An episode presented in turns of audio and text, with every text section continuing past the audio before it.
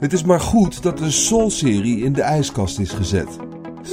dat was Scrat de Eekhoorn. Die vind ik zo leuk. Geschreven door Marcel Vroegrijk voor Laatscherm.nl. Ingesproken door Arjan Lindeboom. Tijdens de E3 van dit jaar wachtte ik in spanning af tot Bloodborne 2 zou worden aangekondigd. Of anders toch wel Demon's Souls Remastered. Tegen beter weten in hoopte ik zelfs op een nieuwe Dark Souls. In plaats daarvan werd Sekiro Shadows Die Twice onthuld. Er verhuizen wat spelmechanieken van de Souls games mee, maar de kern van From Software's nieuwe game oogt behoorlijk anders. Bij nader inzien is dat maar goed ook. Voor de E3 dacht ik daar nog heel anders over. Ik keek een let's play van Demon's Souls, speelde ondertussen de remaster van Dark Souls en doerde ook nog eens mee bij Dark Souls 3 via SharePlay. Wat een geweldige serie is het toch, dacht ik bij mezelf. Waarom zou je daar niet nog meer delen van maken?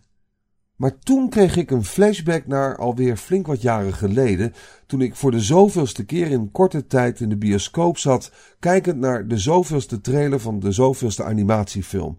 Het was een terugkerend déjà vu. Al die trailers en films leken zo veel op elkaar. Neem een aantal pratende beesten of andere rare schepsels, levend in een ecosysteem dat heel toevallig op het onze lijkt. Want dieren zijn net mensen en mensen net dieren.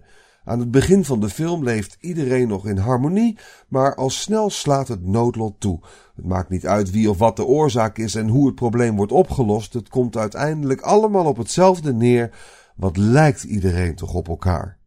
Laat een paar apen eindeloos typen en ze schrijven vanzelf het script voor een animatiefilm over apen die gedwongen worden om eindeloos te typen.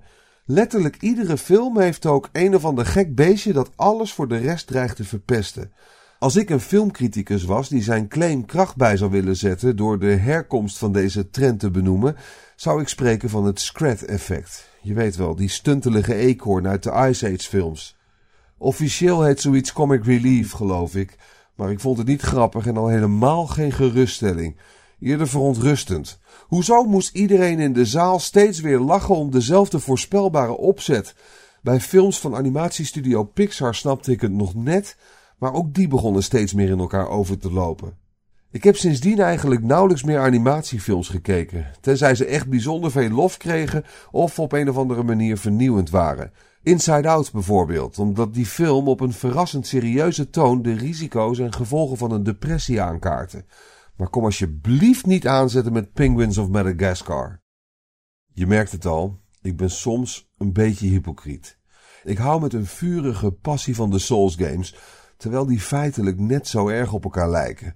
Het is altijd een of ander vaag doemscenario en in elk deel zit wel een deprimerend personage dat alle hoop verloren is. Tragic relief, als je het zo wil noemen. Het is een sentiment dat dit figuur maar al te graag met je deelt zodra je hem aanspreekt. Hij ziet er zelfs vrijwel exact hetzelfde uit in alle spellen.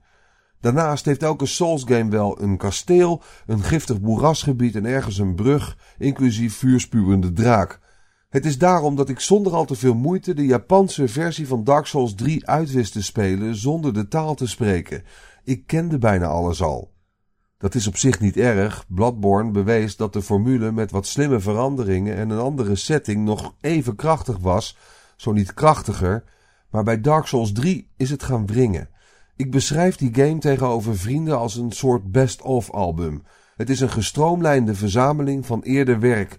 Het heeft de hubwereld van Demon Souls, de setting van de eerste Dark Souls en de snelheid van Bloodborne, maar daarmee houdt het wel een beetje op. Als ik weer de vergelijking maak met animatiefilms, dan staat Bloodborne gelijk aan Inside Out en de eerste Dark Souls aan Finding Nemo. Laat ik Dark Souls 3 dan Finding Dory noemen. Het derde deel was als direct vervolg weliswaar prima, maar verder toch vooral een herhaling van zetten. Het is bijna alsof From Software er gemakshalve van uitging dat ik de voorgaande game alweer zou zijn vergeten tegen de tijd dat ik hun nieuwe spel ging spelen. Een beetje als die animatiefilms waarvan ik de naam niet eens meer zou weten. Als ik dan toch weer een nieuwe game van From Software ga spelen, laat het dan ook echt iets nieuws zijn. Sekiro Shadows Die Twice is in ieder geval geen RPG meer, in de enge zin van die term. Ook schijnt het verhaal stukken minder abstract te zijn. En de draak, Die is ingeruild voor een gigantische slang, zoals te zien in de eerste trailer. Maar wat het verder nou precies wordt, zou ik je niet met zekerheid kunnen zeggen. En dat is eigenlijk een veel fijnere gedachte.